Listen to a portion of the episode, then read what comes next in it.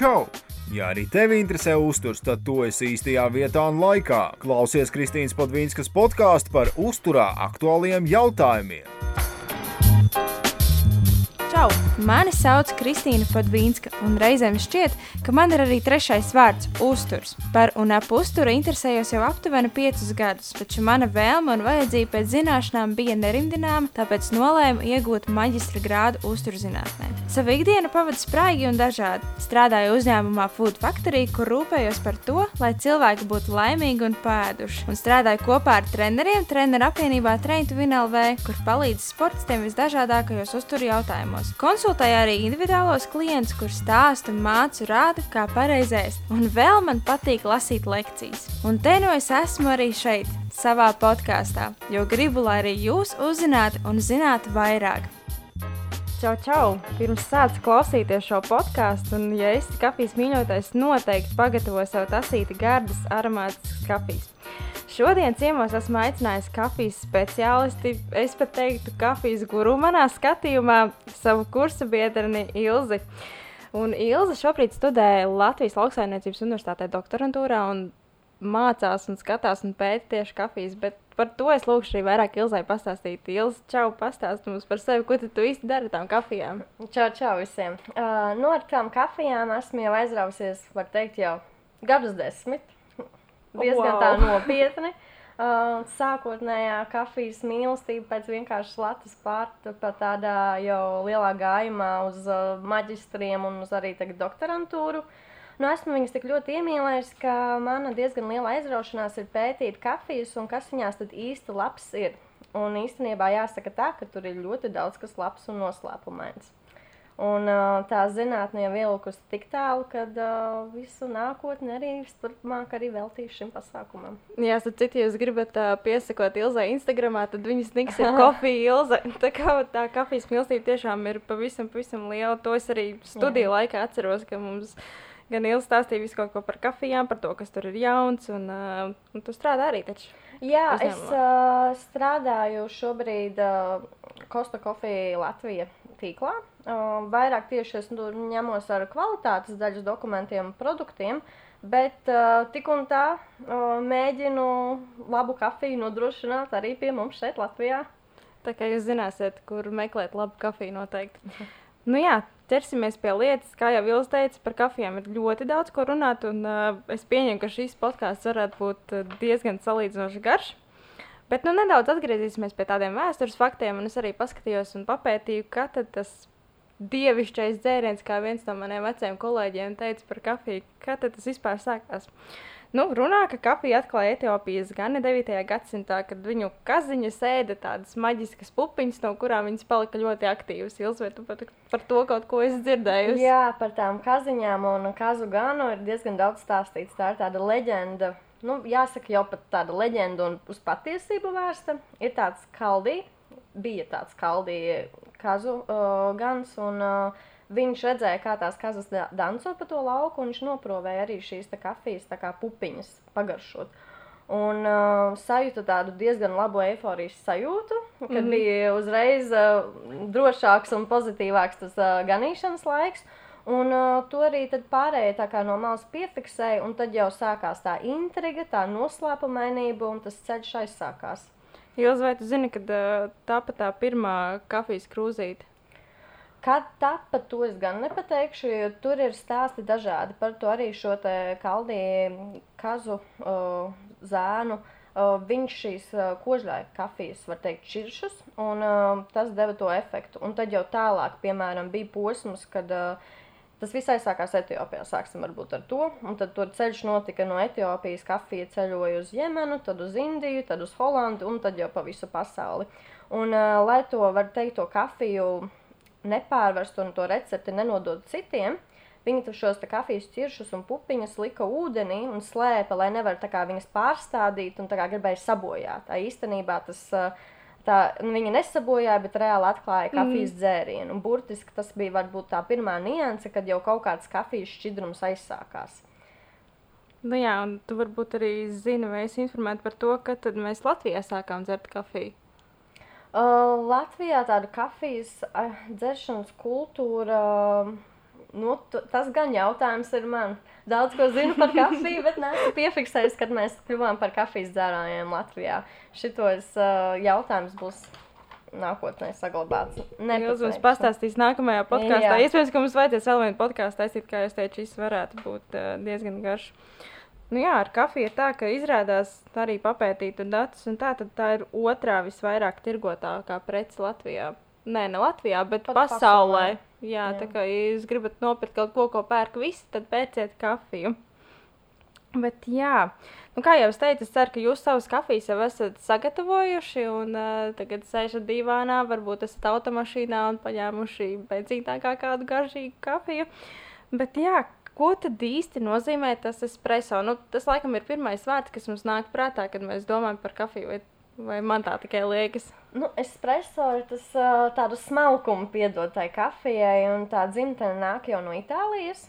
Jo daudziem varbūt liekas, ka uh, Itālijā arī kafija kā aug, un kafijā tiek uh, galvenokārt viņa grauzdēta un taisīta. Tad, nu, galvenokārt Itālija ir tur, kur kafijas dzēriens espreso radās. Un espreso ir uh, no šī kafija, kas ir laista cauri spiedienam un iegūts tāds stiprs, koncentrēts eliksīrs, es teiktu, 30 ml apjomā.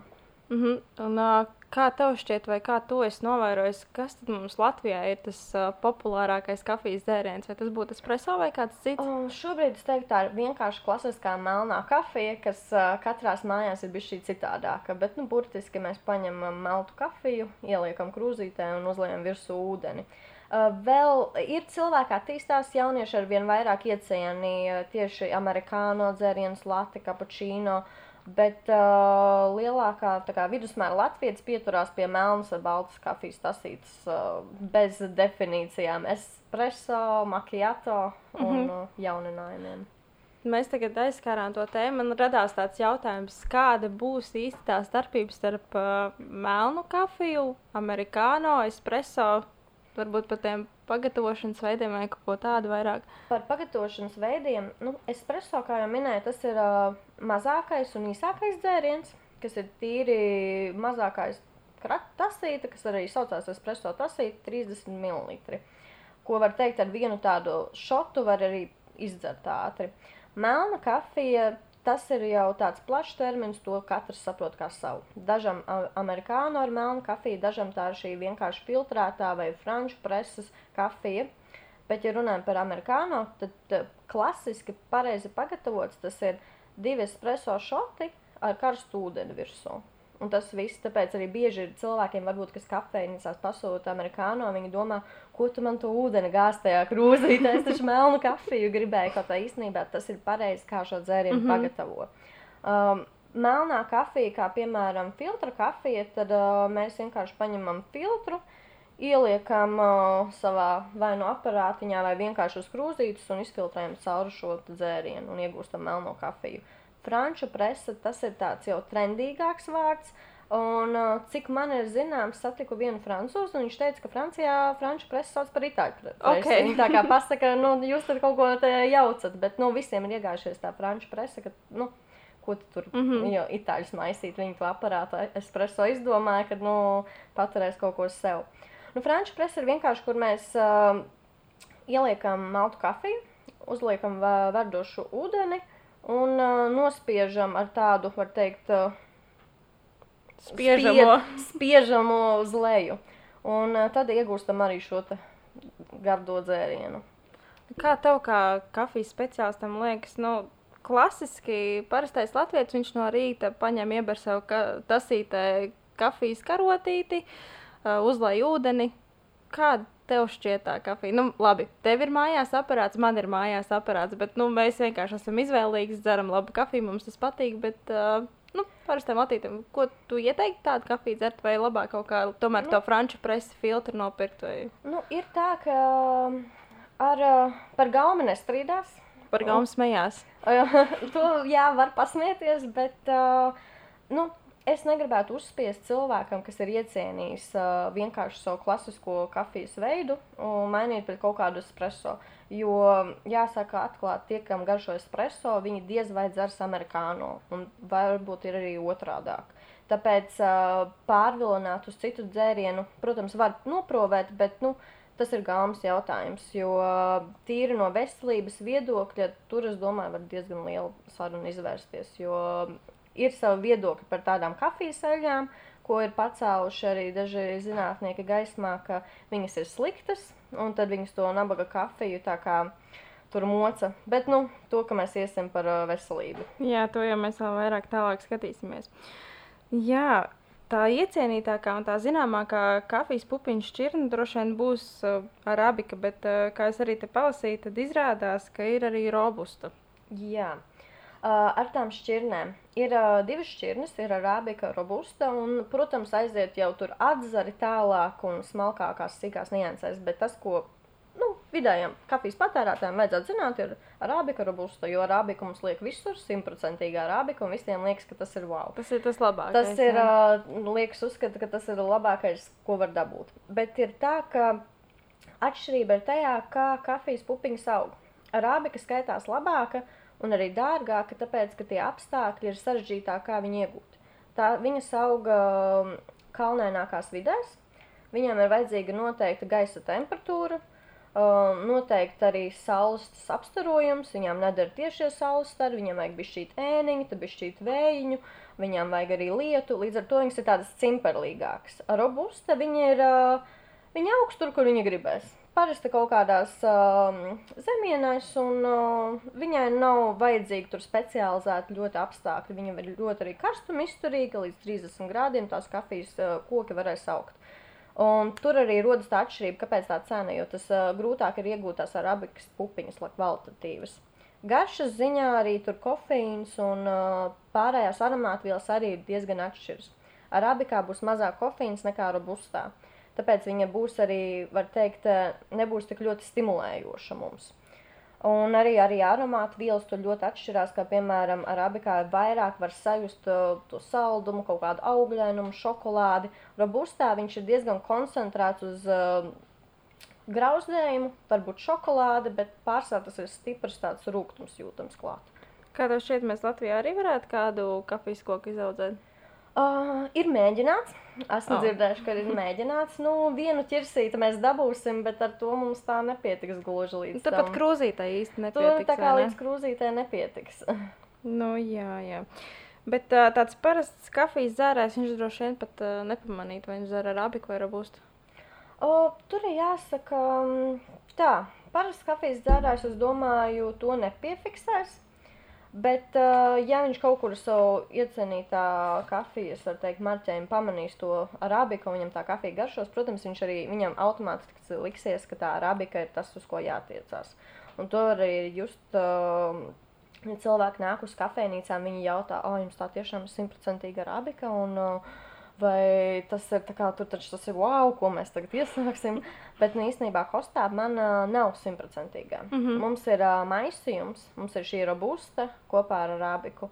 Un, uh, kāpēc arī es negribu pateikt, ka tā robusta ir slikta? Tāpēc, ka tas maisījums dod to foršo, stipro efektu, ko mēs, piemēram, pie latēm, kapučīno varam uh, izbaudīt.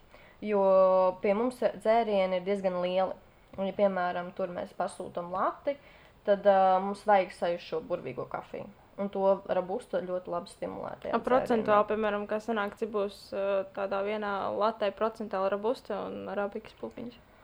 Uh, nu, nu, tajā maisījumā. Jā. Mūsu maisījumā to es, diemžēl, jums neatklāšu, jo tas ir mūsu maisījums. Pirms noslēpums. Pirms noslēpums, bet uh, to var droši nobaudīt. Un, uh, jā. Tā kā par tām receptēm kafijas arī daudzi mēs uh, cīnāmies un turam pie sevis. Bet uh, klasiski tad būs arī citos kafijas maisījumos. Droši vien būs, uh, nu, citās kafijās būs arī tas maisījums. Vai... Nu, pārsvarā ir arābika vairāk nekā robusta. Mm -hmm. Pārsvarā. Uh, ir, piemēram, kafejnīcas, kurās ir pārsvarā ne tikai kafejnīcas, kafijas kā tādas, kurās ir tīrā arābika, un viņi stimulē uz to, ka cilvēks varēs vairāk izdzert šo kafiju. Jo dažreiz ir tā, ka tu izdzer vienu maisījumu krūzīti un tu jūti tādu tonusiņu, bet, ja tu izdzer tīro rābi, tad dažreiz ir tā, ka tu gribi otru tasīti. Ok. Starp citu, Ilza mums šodien arī uz mājām atnesa pilnīgi jaunu kafiju, kuru jūs vēl nevarat nopirkt. Nu, tas es tā tikai palielos un pastāstu. Tā kā, ja kāds grib nobaudīt kostas jaunāko kafiju, droši varat pieteikties ciemos un no kādām pāris krūzītēm pietiks. Jā, nu, kāpēc mēs galvenokārt dzeram šo kafiju? Droši vien tas ir kofeīns. Jā, tas ir gan uh, kofeīns, bet arī tās ir aromātvielas. Jo viena lieta ir tas, kāpēc arī kāpēc cilvēks vispār grib dzert kafiju. Kas ir tajā aromātā un tajā tādu, kas mūs piesaista. Un tas ir tas uh, stimulants, uh, dopamīns, ko mēs zinām, ka viņš ļoti dod mums uh, uz tādu eiro, eiforiju un tādām patīkamām sajūtām. Un kas bija arī viens no galvenajiem iemesliem, kāpēc kafiju sāka, var teikt, tajā melnajā slavā ielikt. Jo šis dopamīns un tas efekts, ko mēs iegūstam, viņš ļoti pielīdzinās marihuānai un kokaīnam. Līdz ar to tāda stipra aizdoma, likās, ka kaut kas nav tīrs tajā kafijā. Kad, uh, Nevēl ja jau- tās kazas tur lēkāja, Jā, nevēl ne? tās kazas tur lēkāja, un uh, mēs tagad arī visi esam priecīgi un laimīgi. O, bet uh, tas bija galvenais, kāpēc arī aizsākās tā melnā slava. Un tikai pēc tam atklāja, ka tur ir arī forši savienojumi kā antioksidanti, un ka tas kofīns nav nemaz tik melns, kā visi viņu mālē. Un uh, tā kultūra attīstījās. Bet es esmu dzirdējis, no, ka mēs zinām kofeīnu, bet kā izrādās, tad kafijā ir vēl daudz citu stimulantu. Diezgan liels stimulants ir jāsaka, ir šī antioksidantu bāze. Uh, ir tāda hologēna skābe, kas ir, var teikt, top savienojums, ar ko daudz saka, kāpēc kafija ir laba. Uh, jo tā hologēna skābe ir jāsaka, nu, it īpaši ir uh, zaļās kafijas pupiņās vai viegli grauzētā kafijā diezgan lielā koncentrācijā, un viņa mums dod tādu arī šo līdzīgu um, kā enerģijas pieplūdumu kā kofeīns. Uh, tajā pašā laikā arī ļoti daudz šīs te aromātvielas un uh, kafijas eļļas, kas arī dod to tonusiņu. Un tas viss izteiktāk ir redzams espreso kafijā. Jo mēs izdzeram šo 30 ml šotu, un mēs iegūstam tādu bumbu ar šīm garšām, aromātiem un spēcīgiem savienojumiem, ka mēs jūtam enerģiju uzreiz. Mm -hmm. Tas ir dažreiz arī tā, kad izdzeram C vitamīnu, un mums tāda sajūta, ka nu, dzīve ir izdevusies un varam doties kaut kur tālāk. Tāpēc uh, tas ir tāds neapmāns, bet nu, stimuls, bet īslaicīgs. Ja, piemēram, kofeīns, mēs viņu varam dažreiz visas dienas garumā izjust un nevaram at atbrīvoties no viņa, tad no šī espreso un ekstrakta vielām tas ir 2-3 stundu laikā mm -hmm. jau pazūd. Nu jā, es laikam espreso jau vairs nejūtu. Man jā. tas viss ir kaut kur jau pazudis. Jā, tu minēji tās zaļās pupiņas, un uh, varbūt ir kaut kādas atšķirības starp zaļajām un grauzētām. Es, piemēram, zaļo pupiņu kafiju nekad neesmu dzērusi. Zaļā kafija ir jāsaka, tā viņa ir ļoti atšķirīga no grauzdētās kafijas, tīri ķīmiski. Mm. -hmm. Ka tas sastāvs ļoti mainās, jo grauzdēšana tas nu, vienkārši ir tāds sprādziens kafijas pupiņai. Nu, garšas ziņā es teiktu, tā tas nav baudāmākais dzēriens, veselīgākais, bet nebaudāmākais. Tur tīri tādiem, es domāju, veselības guru. Tas ir dzert tādu ar domu, ka es izdzeršu to un būšu. Tā teikt, stiprs. uh, es nedzeru pienu ar laktozi, es dzeru augu pienu, es tāpat varu dzert zaļo, zaļo kafijas pupiņu kafiju, nevis dzert kā parasto. Tas Jā. tāds. Nu, līdz ar to tas ir, protams, ir, es iesaku izmēģināt, bet tas nav tā, ka mēs tūlīt pārstāsim grauzdēto kafiju, dzert un lietosim zaļo. Tā tas tā kā nav domāts, jo tas grauzdējums atraisa visas šīs garšas, kāpēc mēs kafiju vispār izvēlamies. Nu, es, es esmu tā dzirdējusi, ka jo vairāk mēs grauzdējam to kafiju, jo mazāk tur ir kofeīna. Bet tad sanāk, ka tajā zaļajās būs visvairāk, vai tas tā kā. Jā, jo ar grauzdēšanu tas ir tāds interesants process, ka zaļā kafijas pupiņā koncentrējas viss tas labais. Tie paši antioksidanti, tas kofeīns, ekstraktvielas un um, kā grauzdējam ar šo lielo temperatūru, ko mēs uzbliežam virsū nabaga kafijas pupiņai, savienojumi sāk uz visu brīdi palielināties un tad strauji krist. Un, uh, tas attiecas īpaši par kofeīnu un antioksidantiem, jo viņi ir diezgan jūtīgi un viņi sāk gaist ārā. Bet, ja mēs piemēram runājam par tādu interesantu savienojumu kā melanoīdi, Tas ir uh, tīri veidojies uh, grauzdēšanas procesā, un viņa koncentrācija tikai krāps ar grauzdējumu. Tāpat tās kā daži, piemēram, savienojumi, kā tur uh, rožu garšiņas vai uh, ir rožu garšiņas, nesmējies, Ok. Kristīna. ir arī šokolādes nianses, karameļa nianses. Tie visi ir uh, gaistošie savienojumi. Un uh, viņi kaut kādā konkrētā brīdī uh, grauzdēšanā ceļas un tad atkal mm -hmm. krītas.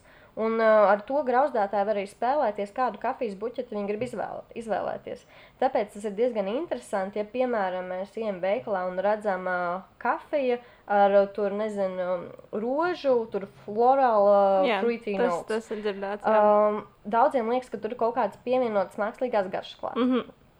Un, uh, un kaut kā īstenībā tā nav. Tas ir vienkārši ietras aromāti, kuru kafijas eksperti, vērtētāji, degustējot šo kafiju, ir noteikuši. Jā, viņi sajūt šo te mm, augļu notis, viņi sajūt, tur, piemēram, aprikozes, vai tur arī kaut kādu karameli, vai īrisa končas kaut Mhm. kādas.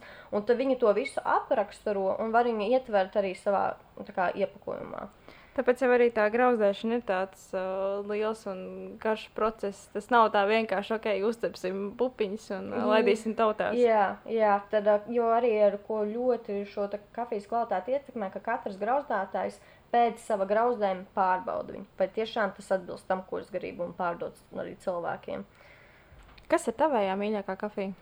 Uh, es šobrīd dzīvoju tādā dzīves posmā, kad es mēģinu ķert pēc iespējas vairākas un dažādākas kafijas. Mm. -hmm. Es teiktu, tā, ka es no klasiskās latas pārgāju uz espreso, tad no espreso es pārgāju uz uh, amerikāno dzērienu. Un tagad uh, man ir iestājies jau divus gadus tāds vilnis, ka es mēģinu izmēģināt uh, dažādas viegli grauzdētās kafijas. Es eju pa mūsu latviešu grauzdētājiem un mēģinu filtrēto kafiju pamēģināt. Un es skatos tiešām, piemēram, ir uh, jauna kafijas uh, brands atklāts, kur ir piemēram arī šīs pat augļainās nianses. Es mēģinu viņus sagaršot. Un to var vislabāk izdarīt tieši ar filtrētu kafiju. Filtrēta vai franču presa. Un, uh, un tieši šajā filtrētajā franču presē ir labums tāds, ka tā temperatūra nav tik augsta. Jo, arī, ja mēs aizsāksim to temperatūru runāt, Mums vēl līdz tam vēl ir. Oi, nu, Kristīna, tu man sāc ierobežot. nu, tā, nu, labi. Par uh, to, kad kāda kafija man šobrīd patīk, tas ir, teikšu tā, es mēģinu vairāk izbaudīt konkrētas nianses kafijā. Kļūt par tādu kafijas ekspertu varbūt ne tikai no tās ķīmijas puses, bet arī no tās sensorās puses. Mm -hmm. nu, lūk, mēs parunājam par, to, par tām grauzdējuma atšķirībām un tā, bet uh, ir jau tā otra lieta. Mēs tomēr neliekam aparātā un kafijas krūzē veselas pupiņas. Jā. Vai ir kaut kāda starpība, kādu malumu izvēlos?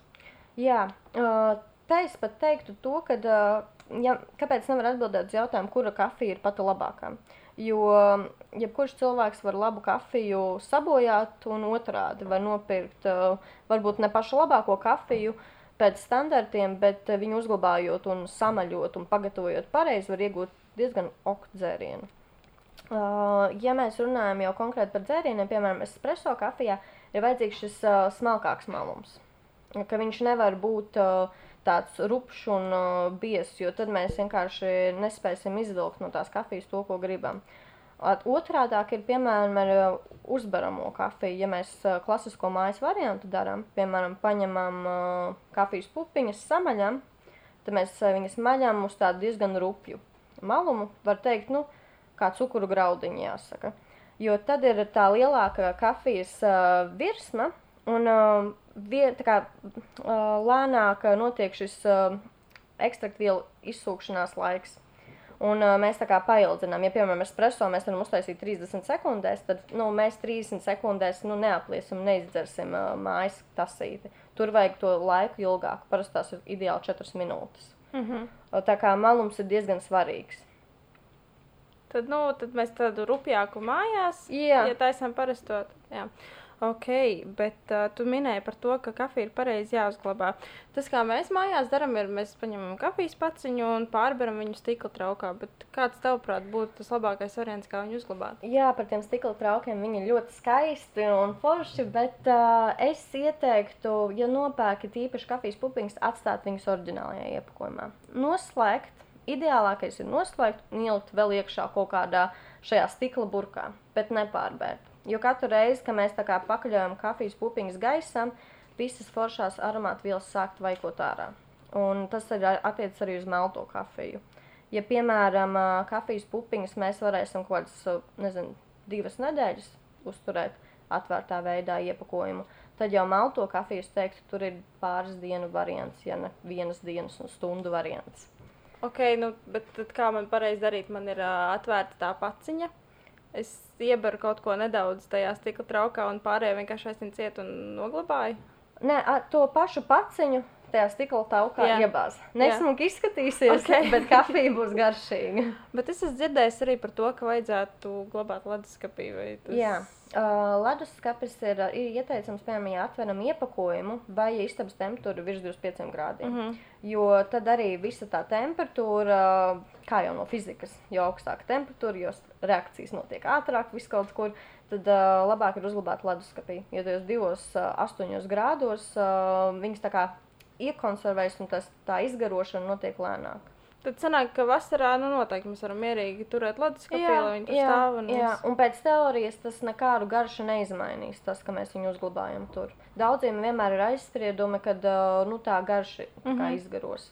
Vienīgi jāsaka, tā kafija var kalpot arī kā labs, um, kā lai to pasaka, citu aromātu vielu. Kā, oh, Neutralizētājs, Jā, jā. neutralizētājs. Piemēram, jāsaka tā, ja ir kaut kāda siļķa ielikta leduskapī un mēs tur blakus ieliksim to kafiju, nu, tas nebūs labs variants, jo tā kafija mēģinās to visu siļķi izglābt. Bet tu teici par tām dažādām kafijas garšām. Varbūt tas ir veids, kā atklāt Jā, jaunu. nu, mēs varam atklāt uh, kafijas pupiņas ar siļķis tādu aromātiņu. Varbūt kādam patīk. Nu. Gaumas Jā, jautājums. gaumas jautājums. Mēs varam par to pasmieties tikai.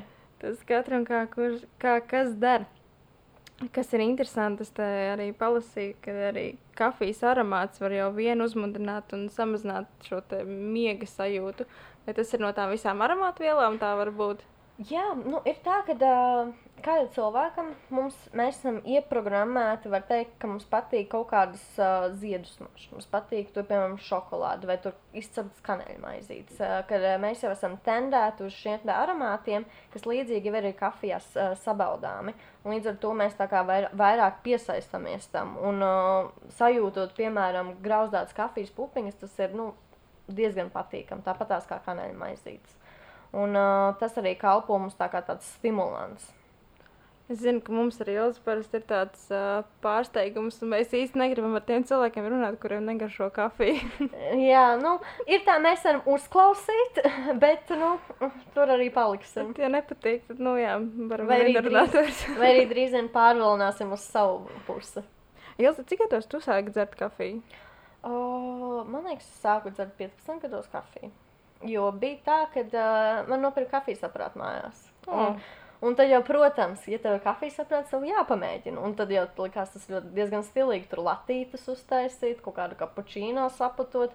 Un tā man tas aizsākās. Bet tā lielā mīlestība, es teiktu, man sākās. Um, Tad, kad man bija 20 gadi, es aizbraucu pastrādāt vasarā uz Itāliju, un tur tiku labā kafejnīcā, kur man bija lielais espreso aparāts, un es varēju taisīt tur kapučīnu. Un, un tad jau tā bija tā kā, nu, jau dvēseles lieta radās. Kas ir ļoti interesanti. Mēs uh, pagājušā gada bijām Itālijā. Nu, protams, nu, tu aizbrauc uz Itāliju, kas tev ir jādara, tev ir jādzer kafiju. Tu nopērci lati, viņi ir uh, nu, tāda izmēra, kā tu esi pieradis. Nezinu, cik tur 300, 350 ml. Bet uh, pavasarī bijām Spānijā, pasūtījām tur. Viņiem pat, man liekas, nebija lati. Viņiem bija kafija ar pienu, un tev atnes tādu mazu krūzīti. Jā. Tas ir interesanti, ka cik, cik dažādas un atšķirīgas var būt latas dažādās pasaules vietās. Jā, tas ir interesanti ar tām latēm, jo īstenībā kafē latē, kā mēs saucam arī Latvijā, bieži šīs latas, uh, late itāliski ir piens. Līdz ar to, ja, piemēram, mēs aizbraucam uz Itāliju, pasakām, man lūdzu latē, tad viņiem liksies, ka viņi atnesīs to vienkārši pienu. Un uh, viņiem liekas tas nedabīgi, ka kafijai vajadzīgs liels tilpums. Tāpēc viņi nodēvēja melno kafiju par amerikāno, jo amerikāņi brauca. Amerikāņi brauc un Jā, viņi brauca. Un tad viņiem vienkārši, vienkārši nu, tas ir amerikāno, un tur viņam dod to mm. -hmm. amerikāno. Un uh, tā tas aizgāja. Jā, par to kofeīnu arī interesanti, ka nu, kaut kur es skatījos arī, ka tā letālā deva kofeīna doze dabūs no 100 krūzītēm. Nu, tas ir tāds uh, izvirzījums, es varētu teikt. Ar tām devām ir tā, ka nu, ir noteikti likumdošanā šeit 400 mg. Um, ja tie 400 mg varam nu, pateikt, tās ir četras kafijas krūzītes, tā mm -hmm. rupji rēķinot. Jo no vienas krūzītes mēs dabūjam kaut kādiem 95 mg, tad tās četras ir tādas ieteicamā doza. Bet arī ar to kofīnu ir interesanti, jo um, viņš atšķirās ļoti arī par tādiem reģioniem. Piemēram, Itāļiem uh, ir izteikti mazāks kā panesamība pret šo kofīnu. Viņi zem šiem 400 mg var izturēt. Atkal Zviedriem, kas ir tāda nu, reāli skandināva, mm -hmm. augstā, augstāka, augstie ļauži, tad viņiem kaut kāda 600 pārmilgramu ir. Un uh, tas izskaidrots ar to, ka uh, espreso itāļu dzeļ varbūt 3-4 krūzītes dienā. Zviedri var izdzert reāli nu, tādas lielas, tur 200 ml, 300 ml, 5-6 krūzes. Okay. Tā kā tas arī ir tīri no reģiona. Latvija ir tāds zelta vidusceļš, es teiktu. Mēs tajos 400 mg iekļaujamies. Nu, jā, es skatījos, ka viena persona nu, dienā vidēji izdzer tos 200 mg mm. kofeīnu. Tad tā viena krūzīte arī sanāk kaut kāda, mm. nu, skaties, 94,8 līdz 100 kaut, kaut kas tāds. Jā, jo ir tā, ka ar to kofīnu mēs ne tikai no kafijas viņu mēs dabūjām. Mēs arī daudz ko tur satraucamies par to kafiju, ka tur ārprāts, ārprāts tas kofīns tur tikai ir. Bet tējās jau arī tas pats ir. Melnā tējā ir daudz, arī zaļā tējā ir daudz, tumšā šokolādē ir. Tā kā arī tajā pašā kolā mēs varam uzņemt kofīnu un tā viņš sasumēs par to dienu. Tas sanāk, jā, bet uh, kur tad būs, nu, daudziem ļoti interesē, nu, kur tad būs visvairāk tas kofeīns? Vai tā būs latte, vai tas būs amerikāno, vai tas būs espreso? Nu, man nāk miegs, nezinu, strādāju līdz vakaram, vai arī no rīta nevaru pamosties. Nu, ko tad man īsti dzert? Nu, ir tā, ka uh, visvairāk, ja mēs ņemam, skatāmies tīri nevis pēc kaut kādiem mililitriem, bet pēc nu, standarta dzērieniem, tad parasti vienkārši uzlējumā kafijā melnu kafiju virsū verdošs ūdens, tur būs visvairāk arī kofeīns. Tur mēs kaut ko nu, tādu labi pacenšoties, varam 200 mg uzreiz dabūt. Uh, espreso mēs dabūsim uh, ap 60. Tas ir tāda augstā, augšējā robeža. Latēm, kapučīno, tas viss ir atkarīgs no uh, cik daudz espreso šotus mēs tā kā liekam. Jo nu, latte ir karsēts piens ar mazliet putiņām un uh, espreso šots virsū. Kapučīno ir bijis stiprāks, lielāks putas uztaisīts ar, arī ar šo espreso. Kapučīno būs vairāk nekā latē. Jo klasiskā standartā uh, kapučīno ir divi espreso šoti, latē viens. Bet nu, to varat prasīt savam baristai, kafijas mm -hmm. bārmenim vai ne, sev pašam, kā jūs taisat. Nu jā, daudz, daudz arī ir dzirdējuši to, ka kafija darbojas kā diurētiskais līdzeklis, jeb kā urīna zenošais, kam es personīgi nepiekrītu, jo man tas tā nav tur ir 50 pret 50, bet uh, Itālijā, piemēram, kad tu pasūti espreso, tad viņi dod klāt ūdens glāzi. Daudz domā, ka tas ir tāpēc, lai, nu, tā teikt, nezaudētu to šķidrumu, bet Ielas pastāst, kā tur īsti ir. Par to šķidrumu ir tā, ka uh, tas viss ir tāpatās kā kofīnu, kurā reģionā kā viņi uzņem, tāpatās ar katru cilvēku. Kāds ir tavs uzturs, kā, ko tu izvēlies savus pārtiks produktus un kā tu uzņem ūdeni. Es neieteiktu ūdeni aizstāt ar kafiju, Jo nu, tomēr ūdens ir ūdens, un mēs no viņa daudz ko uz, uzņemam. Bet ar to um, urīnu dzenošo ir tā, ka tas tiešām atkarīgs no cilvēka. Tas nav tā kā konkrēts fakts, kas un kāpēc. Uh, bet par ūdens glāzīti klāt espreso, uh, tas ir vairāk, uh, lai tādu patīkamāku. Tā kā, Jo parasti tāds diezgan liels tāds, uh, rūkums un sīvums var palikt no espreso krūzītes. Līdz ar to tas ūdens tā kā bija šī tādu maigāku to pēcgaršu padara. Bet uh, tādi īsti espreso dzērāji atteiksies no tās ūdens glāzes. Tad pēc tam mēs atpazīsim, kur tad īsti ir tie īstie itāļi un, un, un kuri tikai grib. Jā, man arī jautāja par to, tad, cik tas īets ir neviselīgi, bet es arī domāju, ka tas būs atkal individuāli katram, cik tu to kofeīnu panes un Jā. vispārējā. Nu, ir tā, ka uh, ārsti pat iesaka uh, četras krūzītes ir tas limits. Un uh, interesanti ir ar dažādiem pētījumiem, kad ir pat atklāts, ja tu izdzer četras krūzītes, tev ir uh, uzlabojis veselības konkrēti rādītāji vairāk nekā tie, kas izdzer vienu krūzīti. Bet to var uh, visu kaut kā pacelt uh, no dažādiem virzieniem. Bet es teiktu, ka nu, nevajadzētu pēc, pēc četrām krūzītēm vajadzētu apdomāties, vai to tiešām vajag. Nu jā, bet tās krūzītes jau arī var būt dažādas. Jā, par tām krūzītēm, nu, piemēram, tieši par šīm četrām krūzītēm ir tā kā 200 ml tā, tāda mm -hmm. norma. Ja mēs skatāmies uz tādu vidējo krūzīšu izmēru Latvijā, es domāju, ka tie arī mēs ietilpstam tur ka tur mēs neko lielāku par 200 ml necentīsimies dabūt iekšā. Nu jā, kas, kas šeit būtu arī svarīgi atcerēties, ka varbūt nevajadzētu to kafiju daudz dzert grūtniecības laikā, un noteikti bērniem arī mēs neieteiktu lietot arī nekādas kofīnas saturošas produktus, jo bērni jau tāpatās ir aktīvi, viņiem tas nav vajadzīgs. Bet man ir māsītes, dvīnes, un uh, viņas pie katra pieies, un tikai tās kafijas putiņas viņām vajag, viņām ļoti garšo. Nu, īsti nebūtu tas, ko dot tomēr bērniņiem.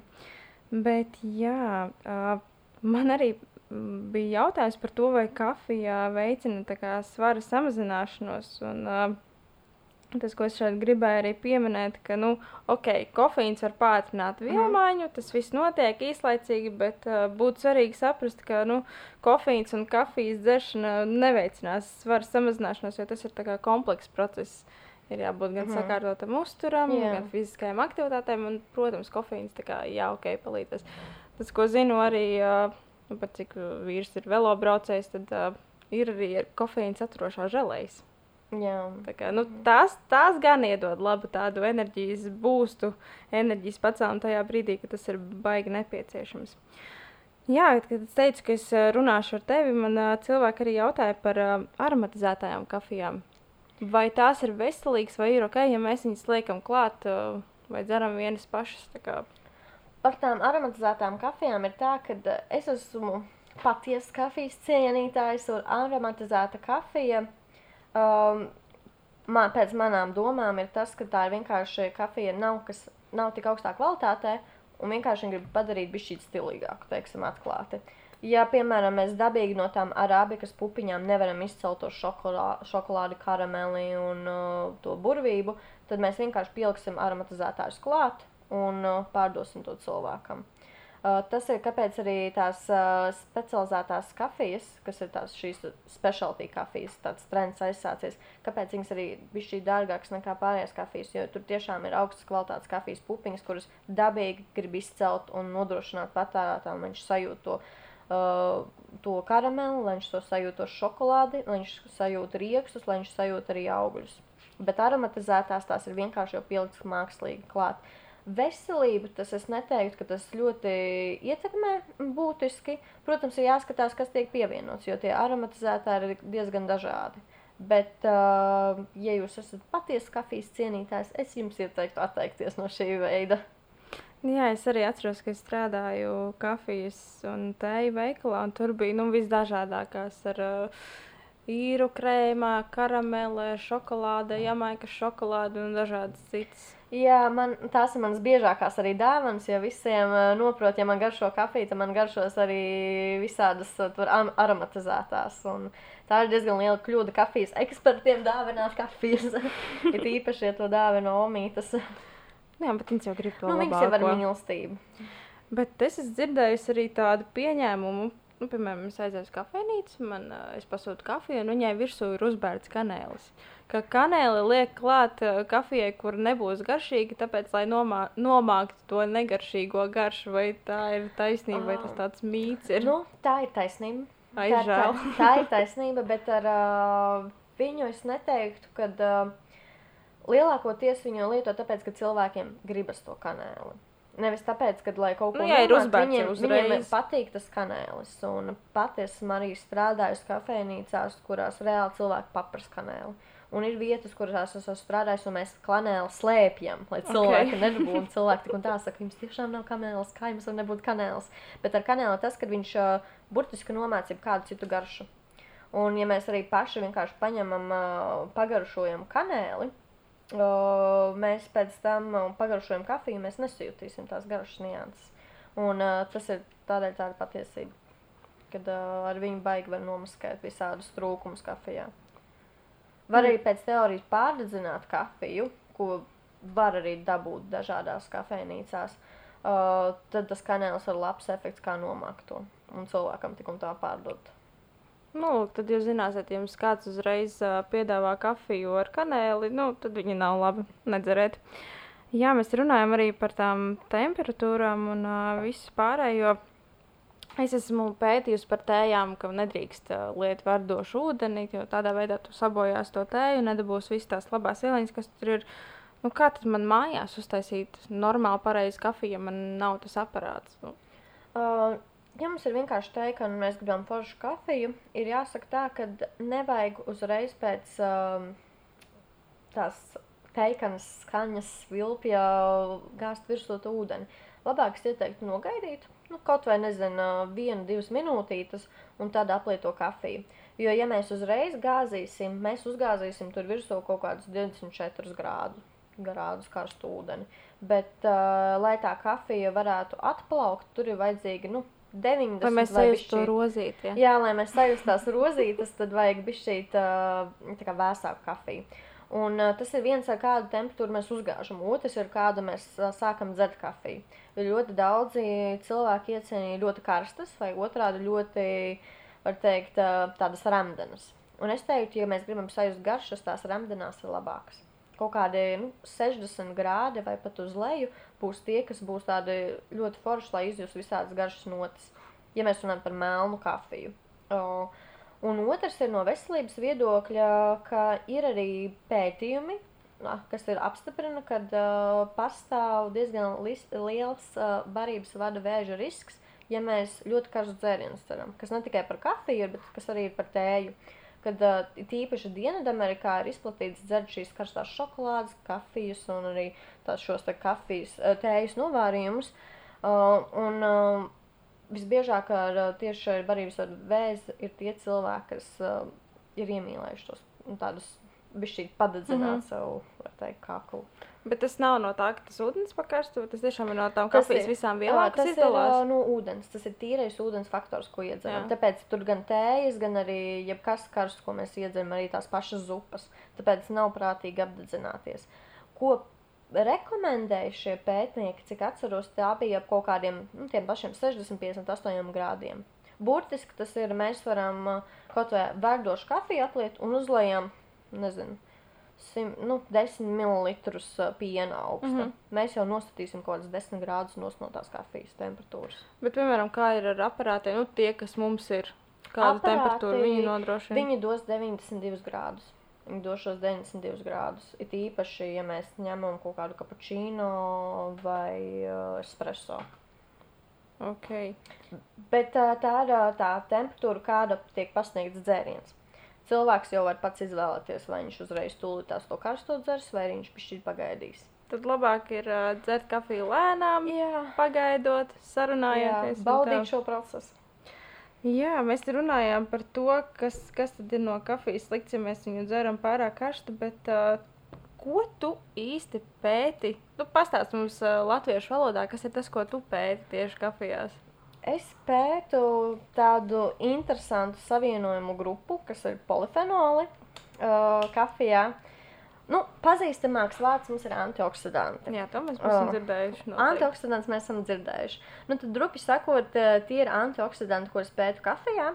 Un uh, mana galvenā ideja un vīzija ir, ko darīt ar šo kafiju, kā viņu grauzdēt, kā viņu uzglabāt, kā viņu pagatavot, lai mēs šos antioksidantus varam sagat, uh, saglabāt kafijā pēc iespējas vairāk. Jo, kā zināms, viņi ir diezgan jūtīgi pret jebko, ko mēs ar viņu darām. Un zaļu kafiju mēs negribam dzert, mēs gribam dzert garšīgu grauzdētu, un tad mans mērķis doktoros ir izveidot šo kafijas formulu. Mēs viņu kaut kad varēsim arī dabūt. Nu, cerams, ka jūs to pēc kādiem četriem gadiem varēsiet kaut kur nobaudīt. Tad jau sanāk, ka kafija ir tāds labs, veselīgs antioksidantu dzēriens, vai ne? Jā, nu, tie antioksidanti ir tas, kas kafiju padara ar vien populārāku veselīgu dzērienu. Un ar antioksidantiem ir interesanti tas, ka tā koncentrācija ir tiešām spēcīga. Un trakākais ir tas, ka mēs, piemēram, ierasti izlasām ziņu portālos, kafija palīdz cīņā pret, nezinu, tur konkrētu vēzi. Mhm. Mēs visi tur sapriecājamies, steidzamies pēc savas kafijas krūzītes. Un, bet neapdoja, ne, neapdomājamies, vai tiešām tā mūsu kafija, kā mēs viņu pagatavojam, uzglabājam un grauzdējam un visādā veidā sagatavojam, ir tā labākā. Jo, kā jau arī Kristīna, tu zini, katrs pētījums ir diezgan subjektīvs Tieši par savu, lau, par savu lauku. Līdz ar to, ja viens gudrs cilvēks kaut kur Āzijā ir pateicis, ka tā kafija tur palīdzēs pret vēzi, ir jāuzzina, ko viņš tieši ir pētījis. Tieši Un, tā tāpat tās ar mani ir, kad es mēģinu ar vien vairāk un detalizētāk sabiedrībai dot kaut kādus kā, vadlīnijas, ko jums darīt ar to kafiju, lai saglabātu to labumu. Un ar antioksidantiem ir tas, ka uh, nevajag viņu pārgrauzdēt. Jo tas, piemēram, ja kofeīns samazinās ar grauzdēšanas pakāpi, mm -hmm. tad antioksidanti arī tāpatās. Un uh, mums vajag kaut kā to saglabāt, to vidēji grauzdētu, viegli vidēji grauzdēto kafiju. Ok, nu, es, piemēram, nu, es nepērku specialty kofiju. Es mm. ieju, nezinu, sauksim to par supermarketu. Un, nu, ko, kuru tad man ņemt? Uh, Lielveikalos pārsvarā ir vidēji grauzdētas kafijas, uh, kas nav arī tik traka. Tā ir uh, laba kafija. Uh, ko mēs pēc tam varam darīt, tas ir tas pats uzglabāšanas veids, kā mēs viņu uzglabājam un kā mēs viņu arī kā, baudam. Piemēram, espreso kafijā būs uh, krietni vairāk šo antioksidantu nekā citās uh, kafijas dzērienu veidos. Otrs ir arī kāda šī te temperatūra. Uh, neliet virsū to verdošo ūdeni, tur labāk mierīgāk ar viņu. Var teikt, neizraisīt nekādas uh, lielas reakcijas un pārmaiņas šajā kafijas mm. -hmm. krūzītē. Jo mierīgāk mēs ar šo kafiju apējamies, jo mēs labāku un lielāku antioksidantu devu varam uzņemt. Tas, ko es arī tagad nu, domāju par to veselīgumu, vai kafija ir veselīga vai nē, un pie tām visām tieviešanas lietām un tā tālāk. Arī tas ir tomēr baigi svarīgi, kādu mēs to kafiju dzeram. Mēs viņu varam dzert ar traknu pienu, mēs viņu varam dzert ar liesu pienu, mēs viņu varam dzert ar sīrupiem dažādiem, mm. dažādi garši, varam dzert ar cukuru, ar bezcukuru. Es tomēr domāju, ka tas labākais variants būtu vai nu tā melnā, vai nu lati, bet ne, ne tas lielākais tilpums. Mm -hmm. Nu, ar to pienu ir ļoti interesanti, jo ir dažādi, var teikt, konflikti arī izraisījušies, kad sākumā tika ļoti uzsvērts, ka tas ir vienalga.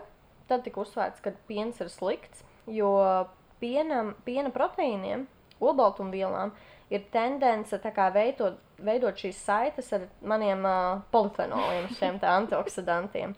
Un viņi tā kā nobloķējas. Un burtiski tas antioksidants, uh, viņš jau grib darīt labu. Jā. Viņš ir sasaistīts ar to piena proteīnu, un viņš, kā, nu, viņš tur ir, viņš uzrāda savu koncentrāciju, bet viņš neko nedara. Un tajā pašā laikā ar vien vairāk nāk pētījumi, lai šo te apgāstu. Bet ir ļoti smalki, jā, tomēr jāskatās, kas šo pētījumu var teikt sponsorē. Jo bieži vien tie, kas uh, grib to pienu padarīt par labu, ir tās kompānijas, kas varbūt šo kafiju ar pienu grib arī vislabāk pārdot. Tāpēc ir ļoti jāizvērtē atsauces uz kam jūs ticat, un labāk uh, izlasīt, varbūt, kas tad tur apakšā, kādu pateicību šie zinātnieki mm kam velta, un pēc tā mēs varam arī spriest, vai kam ticēt. Nu, jā, arī Latvijā mums dažreiz ir tādi pētījumi, par kuriem nu, ir skaidrs. Jā, bet nu, pētīt var visu, var zilu gaisu arī pētīt. Tieši tā. Bet, ok, tad ko man labāk ņemt? Espreso, melna kafija, lati. Pirmais, kas vislabāk garšo, otrais. Jo es tomēr aizstāvu cilvēku tiesības uz gardu kafiju. Um, labāk ir melna kafija. Tas tajā mēs tomēr dabūsim visu, ko vajag. Par pienu ir tā, ka uh, piena traknums antioksidantus neietekmēs. Mm. -hmm. Tas nav svarīgi, vai tur viņš ir pilnpiens 3,5 vai tas ir kaut kāds 0,005 piens. Tas uh, galīgi to neietekmēs. Ietekmēs varbūt vairāk tā temperatūra pienam, piemēram, kā mēs sakarsējam. Uh, ir arī labi pētījumi, kas apstiprina, ka, piemēram, augsts piens uh, neveido šīs te saites un nesasaistīsies ar tiem antioksidantiem. Bet, ja ir nu, diezgan karsts uzkarsāts piens pār 80 grādiem, tad jau tās saites diezgan labi sāk veidoties. Tāpēc jau arī liek to termometru klāt, vai ne? Un skatās, oh. vai, tas, vai tas nav tik. Termometru liek vairāk klāt, tāpēc, ka, lai kontrolētu, piemēram, tiešām precīzi, lai katra kafijas krūzīte būtu identiska. Liela kafijas tādi eksperti un gurmanti, viņi var atļauties ar savām sajūtām tā kā sajust, piemēram, turot šo kafijas nu, piena kanniņu un saprast to temperatūras robežu. Tad, kad tev sāk dedzināt roku, tu zini, ka tev ir kaut kādi 70 grādi jau pārsniegti. Nu jā, par tiem veselību uzlabojušiem faktoriem mēs esam baigi daudz dzirdējuši. Ilzi visu laiku runā par kaut kādiem antioksidantiem, bet Ilzi pastāst mums visiem tā, lai nu, arī cilvēki saprot, kas tad ir tas antioksidants īsti. Nu, antioksidants, uh, es teiktu, tas ir tāds labs supermens, uh, kas uh, dzīvo visādos foršos augos. Kā viņš ir radies, ja mēs, piemēram, iedomājamies tos pašus kafijas ķiršus. Varbūt tāda piebilde no malas, ka nu, ir kafijas pupiņas, bet reāli ir kafijas ķirši, kad uh, viņi aug kā reāli ķirši kokos, un uh, tas ķiršu kauliņš ir tā kafijas pupiņa. Un, vārdu sakot, uh, tas ir tāds backups no Starp visa. citu. Jā, tā starp citu, ja kāds to nezina. Un, uh, vārdu sakot, šiem ķiršiem un kafijas pupiņiem, viņiem ir apvalciņi. Un, lai viņi pasargātu to savu iekšējo, var teikt, vidi, viņiem ir kaut kāda aizsardzības sistēma jāizveido. Un tad tur ir iekšā šie polifenoli, mani. Tavi mīļākie, mani mīļākie draugi, un, uh, kas ir antioksidanti. Un, uh, viņi aizsargā pret apkārtējo vidi. Tāpēc arī, piemēram, saka, kāpēc viņi ir vairāk šajā te, uh, arī arābikā vai arī tajā pašā robu, uh, robustā, jo apkārtējā vidi diezgan nežēlīga kafijai. Šīs krasā vai nu temperatūra spēcīga, vai šie vēji, vai no lietus gāzes, viņa visu ietekmē, un no kaut kā šiem ķirsim jāpasargā sevi. Un uh, viņa nodod šīs labās aizsardzības īpašības arī mums, kad mēs šo kafiju uzņemam.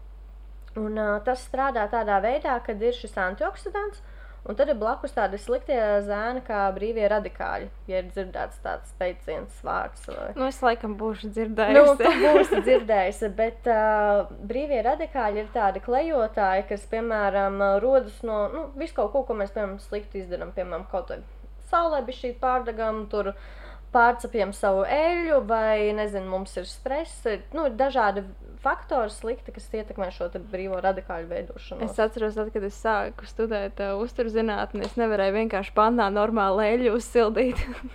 Jā, jo tev bija, nu, bailes. tur Jā, brīvie radikāļi. Jā, brīvie radikāļi visur klejo. Nu, Vārdu sakot, viņi mums tad iekšā organismā arī balīti taisa. Un uh, viņiem parasti ar sevi vien nepietiek. un Viņiem vienmēr trūkst kāds uh, šis elektrons, ja varbūt dzirdēts arī tāds vārds, ķīmisks. Un viņi uzbrūk normālajām šūnām, pā, pārējiem. Un, līdz ar to viņi grib atņemt šīs, šos kā elektronus no viņiem. Un tad viņi aizsāk šo ķēdes reakciju. Viņi atņem viņiem, tad tie tālāk atņem tālāk, un tad tur jau vesela banda izveidojas. Un tad atnāk šie antioksidanti un tā kā nu, pasaka tiem brīvajiem radikāļiem, tā kā, nu, hei, mums tur ir viens tas elektrons brīvs, un tā kā paņem viņu, liec pārējos mierā un tā kā novērš to cīniņu organismā tālāk. Tā kā anti- antioksidantu galvenā darbība ir uh, neutralizēt tos brīvos radikāļus un apstur, apturēt visu kaut kādu sliktu iekaisumu, vēžu un dažādu citu lietu novecošanu, visādu sliktu procesu veidošanos. Jā, bet Tils, tu stāstīji, ka tev ļoti, ļoti mīļi tieši šie melanoīdi. Pastāst varbūt par tiem mums. Melanoīdi, tie ir arī tādi forši savienojumi. Viņiem ir arī pierādīta antibakteriāla, anti, uh, antioksidantu un antikancerogēna šī iedarbība. Uh, viņi ļoti lielā daudzumā pelinās ar grauzdējumu. Jo viņi ir tā kā šīs grauzdēšanas, var teikt, gandrīz gala process. Un uh, viņa koncentrācija tikai aug. Sākumā viņi ir diezgan forši, viņi ir tādi karamelīgi, šokolādes garšās, un tad viņi sāk pārdegt un viņi ir diezgan rūkti. Bet viņu labums ir šajā tumšajā grauzdētajā kafijā, ka viņi pierāda šādu antibakteriālu darbību mutes dobumā. Ka burtiski tās uh, sliktās baktērijas, kas mums tur mīt, viņi tā kā neutralizē. Ka tas ir arī tā kā pierādīts. Otrs faktors, ka viņa var teikt, uh, ja dažiem rodas aizspriedumi, ka viņiem dedzina kuģi no kafijas, tad tumšā grauzdēta kafija to var novērst nekā gaišā grauzdēta kafija, jo arī pateicoties, pateicoties šiem melanoīdiem maniem. Un uh, zarnu mikrofloru arī viņi ir tendence uzlabot. Tā kā ir daudz dažādu foršu pētījumu, kas apliecina tomēr, ka tie melanoīdi ir labi, un ka tā tumšā kafija varbūt viņa ļoti stipra un spēcīga dēļ saviem savienojuma īpašībām, bet nu, viņa dod arī labumu. Nu, ok, daudz labi par kafiju un tā Jā. tālāk. Viss kaut kas forši, antioksidanti, labie zēni un tā tālāk. Bet uh, kā jau mēs pirms tam runājām, ir daudz dzirdēts arī par šīm kafijas eļļām un to saistību ar holesterīnu. Jā, tas arī ir tāds spēcīgs bums, jo sākumā nomelnoja par to marihuānu un kokaīnu. Tad uh, bija atkal labā slavā iegājusi kafija, un tad bija holesterīna bums ar kafijas eļļām. Bet nu, arī tas sākas uh, tieši runa par pētījumiem, kam mēs ticam, kam neticam. Kāpēc radās tāds aizspriedums? Uh, radās aizspriedums tāpēc, ka kafijas eļļās galvenie divi savienojumi ir tāds kahveols un kafestols. Uh, kurus noteikti lielākā daļa neatcerēsies, bet nu, kafijas eļļas vār, vienkāršos vārdos. Viņas tievajās zarnās signalizē aknu šūnām, tā kā samazināt žultskābes veidošanos. Bet šai žultskābei, lai žultskābes veidošanai ir nepieciešams holesterīns. Un tā kā šīs kafijas eļļas pasaka, ka mums to žultskābi nevajag taisīt, tad tas holesterīns nu, paliek nenodarbināts. Un tad viņš tur uh, cirkulē pa asinīm un arī uzrādās tas holesterīna līmenis lielāks. Interesanti ir tas, ka visi šie pētījumi ir taisīti uz diezgan lielu kafijas eļļu koncentrāciju. Ja, piemēram, no vienas tasītes mēs varam nu, maksimums uzņemt 12 mg šīs kafijas eļļas, tad pētījumi visi, kas apliecina, ka kaut kas kaut kā viņa to holesterīnu līmeni tās kafijas eļļas palielina, sāks no 60 mg. Tas nozīmē, ka ļoti liels daudzums jā, kafijas būtu jāpatērē. Jā, tad līdz ar to tie visi pētījumi, viņi ļoti koncentrēti uzliek dozu virsū un tad pasaka, wow, tas ir slikti. Nu jā, bet kā jau mēs zinām, tad uh, viena trešdaļa holesterīna mēs uzņemam ar uzturu, un divas trešdaļas ir tas, kas mums notiek organismā. Jā. Ko tad mēs ieteiksim tiem, kuriem tas holesterīns ir paaugstināts? Nu, nu, viņiem var to filtrēto kafiju izvēlēties, ja grib viņu mīļot. Nu jā, bet es, es domāju, ka, nu, kā jau mēs runājam, tad uh, katru pētījumu var pagriezt, kā tev ir ērtāk. Tas pats arī mums studijās bija. Mums, pie kardioloģijā stāstīja vienu, tad jau gastroenteroloģijā bija kaut kas pavisam cits. Jā. Ir jāskatās tomēr paša, katram pašam. Tas tāpatās kā vienam kafija darbosies kā diurētiskais līdzeklis, citam nedarbosies. Citam būs pātrināta sirdsdarbība, trīcēs rokas, nenormālākais mūžums, citam atkal būs pavisam mierīgi. Tas tas tiešām ir katram ļoti individuāli, un tāpat tās arī mīļākā kafija. Jā, un tāpēc arī eh, vislabākais ir tomēr izvēlēties tas, tas, kas pašam patīk, tas, kas, kuru piepriecina. Ja jūs ticat, ka kafija jums dos labumu un ticat tam manam antioksidantu spēkam, viņa tiešām arī tā strādās. Bet, eh, ja jau par spīti, tā kā ar jebkuru citu diētu, mēģinās sev iestūķēt iekšā to kafiju tikai dēļ antioksidantiem, nu, tas nav gudrs lēmums. Jā, tad labāk izvēlēties zaļo tēju vai kaut ko citu. Jā, varat izvēlēties zaļo tēju vai odziņas. Odziņas man arī ļoti patīk ar maniem polifenoliem, bet es domāju, to mēs atstāsim citam stāstam. To mēs atstāsim citā reizē. Jā, es ceru, ka jūs būsiet jau nobaudījuši savu garšīgo kafiju. Un, kā jau es teicu, ja kāds grib nākt pie manis ciemos un uh, pamēģināt arī manu kafiju, tad uh, droši nāciet. Un es domāju, teikšu Ilzi tev milzīgi lielu paldies par šo sarunu. Bija baigi interesanti un arī es daudz ko jaunu uzzināju. Un ceru, ka arī jūs, klausītāji, uzzinājāt daudz jaunu par kafijām. Un tas, kādu kafiju dzert, tad, tas tad lai paliek jūsu pašu ziņā, kuru jūs gribat. Dzeriet savu mīļāko, baudiet to, baudiet to vienatnē, baudiet ar kādu kopā un lai jums superīga atlikusī diena, vakars, nu, vienalga kā nu kuram. Paldies, Evilis! Čau! Paldies, jums! Atā! Atā!